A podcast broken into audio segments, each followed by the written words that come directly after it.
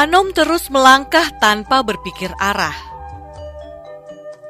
Dadanya sesak oleh amarah. Anom tidak bisa hidup seperti ini. Saat kakek sakit, semangatnya turut padam. Sejujurnya, Anom takut sekali kehilangan kakek. Jalan hingga jauh dari rumah. Tak dihiraukannya suasana lalu lintas Yogyakarta yang padat. Kaki kurusnya terus menyusuri trotoar hingga tak terasa hari mulai senja. Anom berjalan ke arah yang berlawanan dengan tenggelamnya matahari menuju timur kota Yogyakarta. Heh, bocah gundul, ada duit nggak buat beli nasi? Anom terkejut mendengar seapaan itu. Seketika langkahnya terhenti. Di depannya tiga orang anak berdandan ala rocker mencegat.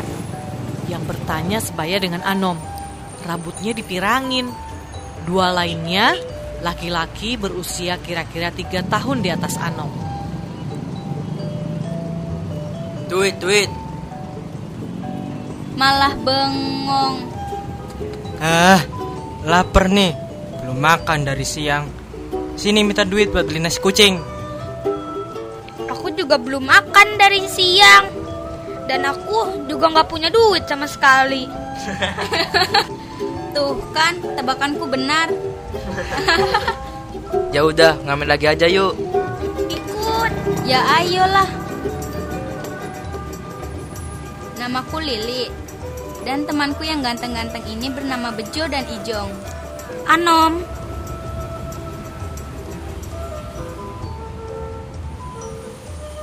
Malam semakin larut. Bulan yang bulat di atas langit membias sinar keemasan. Anom tiduran beralas rumput yang basah oleh embun dengan kepala beralas tangan. Di sampingnya, Ijong dan Bejo pulas mendengkur. Sementara itu, Lili masih terjaga. Tangannya sibuk menjalin benang untuk dijadikan gelang. Ano memperhatikan teman-teman barunya. Ternyata tidak seseram penampilannya. Saat mereka mencegatnya dan meminta uang tadi, itu hanya bercanda belaka. Kita sudah biasa mencari uang dengan mengamen. Keempatnya beristirahat di dalam kompleks parkiran Candi Prambanan. Ijong, Bejo, dan Lili biasa bermalam di tempat ini sambil menikmati pucuk-pucuk candi dari kejauhan yang terlihat jelas. Mereka biasa berbaring sambil memandang keanggunan candi yang disinari cahaya lampu temaram. Tanpa sadar, Ano menghela nafas berat. Ia teringat kakeknya. Tiba-tiba, Ano merasa bersalah telah meninggalkan kakek. Jadi, kenapa kamu pergi dari rumah? Aku, aku juga bingung. Lah, pergi tanpa izin itu harus pakai alasan yang jelas. Aku aja dulu terpaksa banget ninggalin keluarga Diceritakannya kepada Lili tentang kakek yang tak kunjung sembuh, tentang kesedihannya, dan alasan akhirnya Anom melampiaskan kekesalannya dengan berjalan kaki sejauh mungkin. Sekarang mungkin aku sedang takut. Kalau kakek meninggal, aku bagaimana? Usaha batik kami bagaimana? Selama ini kakek yang mengatur semuanya. Saking kalutnya, aku jalan tanpa tujuan dan untunglah aku bertemu dengan kalian. Wow, kamu punya usaha batik? Cool. Nyaris bangkrut. Aku menyaksikan sendiri kakek pontang-panting menjaga usaha batiknya biar nggak goyah. Meski sudah tua, kakek selalu penuh semangat. Ia jarang sakit.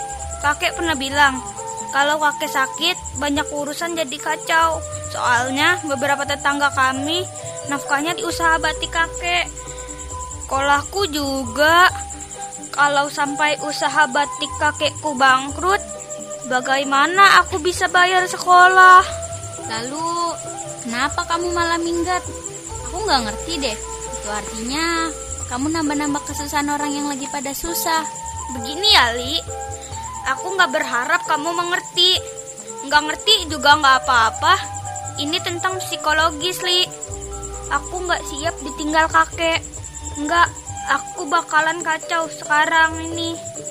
Sekarang ini, aku bingung dan linglung. Aku kehilangan pegangan. Ih, so dewasa banget sih bahasanya. Intinya, kamu itu cengeng. Enak saja.